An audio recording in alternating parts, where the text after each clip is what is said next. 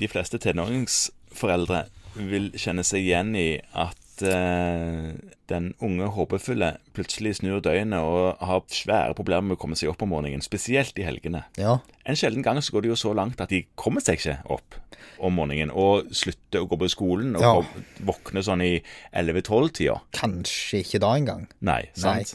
Og hva gjør man da når de kommer til legen? Sier man at du må skjerpe deg, sette på vekkerklokka, gjerne to, tre, fire, fem stykker, sånn at du kommer deg opp og begynner å oppføre deg som et A-menneske? Det de har sikkert vært prøvd Ja, det- når de garantert. kommer til oss. Garantert. Eh, og tenker at noe av grunnlaget for at de kommer til oss, er vel at det har feila diametralt. Ja.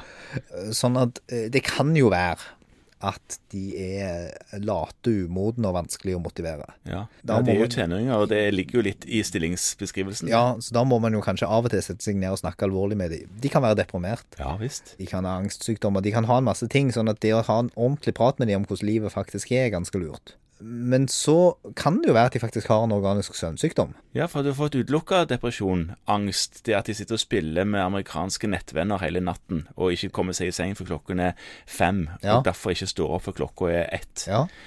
Du, alt det der, der har du utelukka. Hva gjør du med de, da? Da Som sykdom? tenker man jo at da har de noe feil med døgnrytmen sin. Ja, så Som- de har dytta litt på døgnrytmen. Ja, noen har jo Det ideelle, sånn som det samfunnet vårt er bygd opp, er jo at man har en indre klokke som går på nøyaktig 24 timer, og som helst aktiverer deg klokken eh, ja, en gang mellom halv syv og halv åtte om morgenen. Ja. Sånn at du kommer deg på jobb til klokka er åtte. Et eller annet sånt. Ja.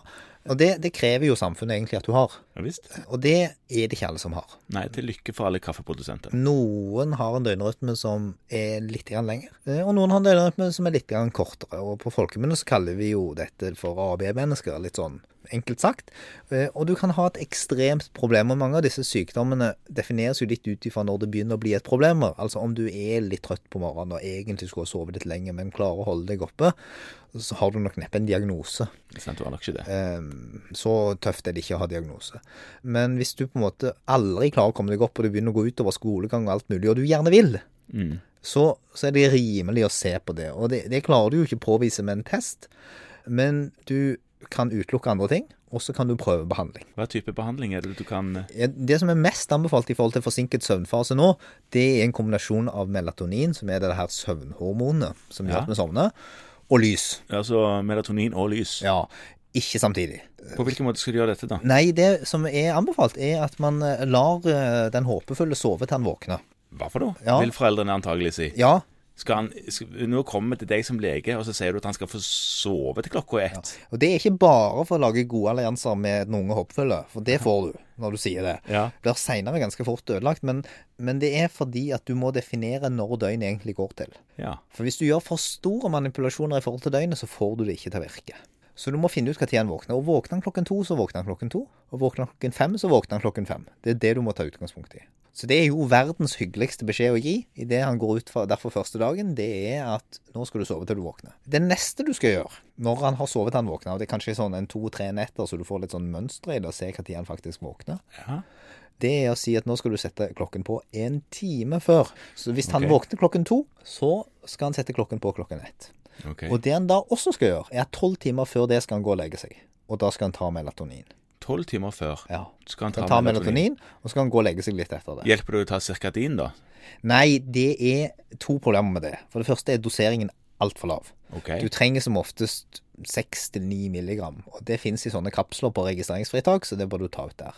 Det andre er at cirkadin er et depotformulering. Ja. Sånn at til disse tilstandene så får du effekt langt utover natten. Og det er ikke egentlig det du trenger. Du Nei, du- trenger å gi kroppen et tydelig, udiskutabelt signal om at nå er det sovetid. ja.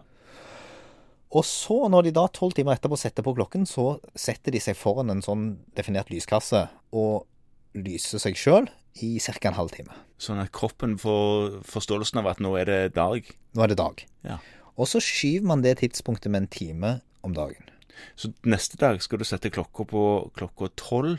Tar medisin klokken tolv, og står opp klokken tolv, så og er setter det foran klokka- lyskassen. Og så er det 11 til du kommer ned igjen til et noenlunde fornuftig tidspunkt, når da det måtte være. Dette har noen ulemper. Ja. Det er- det er litt administrasjon å få det til, men ikke kjempemye. En sånn lyskasse kan man enten kjøpe selv, eller så er det noen leger som leier de ut. ja, at man har det på legesenteret og kan leie de. Ja, det, det er jo også kjent at det hjelper for andre ting, som depresjoner og, og lignende. Ja visst. Viktig å ikke ha på solbriller. Når du sitter foran den kassa. Ja, fordi at det er ganske viktig med øynenes opplevelse av lys. Det som er for en tenåring kanskje enda mer styrete, er jo at du må fortsette med det. ja. Og du kan ikke under noen omstendighet sove ut i gåseøynene i helgen. Så du kan ikke om helgen liksom tenke at ah, endelig kan jeg sove til to igjen. Da er det tilbake til start. Ja. Sånn at man er nødt til å prøve å opprettholde en stabil døgnrytme over tid. Og det man vil erfare hvis man gjør det, med lys og melatonin og faste tidspunkter, ja. er at man etter hvert trenger mindre lys og melatonin, og Så- kun faste tidspunkter. Ass, ok, Så etter hvert så går man inn i en normal syklus på dette. Men det kan ta lang tid. Ja. Og det er klart at det å holde på med ting over uker og måneder, det krever en viss motivasjon. Ja visst. Eh, Og det eh, gjør iallfall at de som er rundt, er nødt til å stå rundt og heie på dette. For det, hvis ikke eh, slekt og venner heier på det, så faller motivasjonen ofte. Da koker det vekk. Ja, fordi at det er klart at som 15-16-17-åring så opplever man det kanskje som kjipt å måtte stå opp klokken halv åtte også i helgene. Ja, det kan jeg jo se for meg at eh, man vil synes er Og får beskjed om at du kan ikke stå opp senere, men du kan bare legge deg før. Ja. Men hvis man har et invalidiserende søvnfaseproblem der man sliter med å få gjennomført skolegang, så kan det være at du får de med på at det er verdt innsatsen. Ja, dette er noe, noe nytt. Altså, du må søke melatonin på registreringsfritak Ja. og få tak i en sånn lysboks Ja. og instruere de denne metoden gjør det på.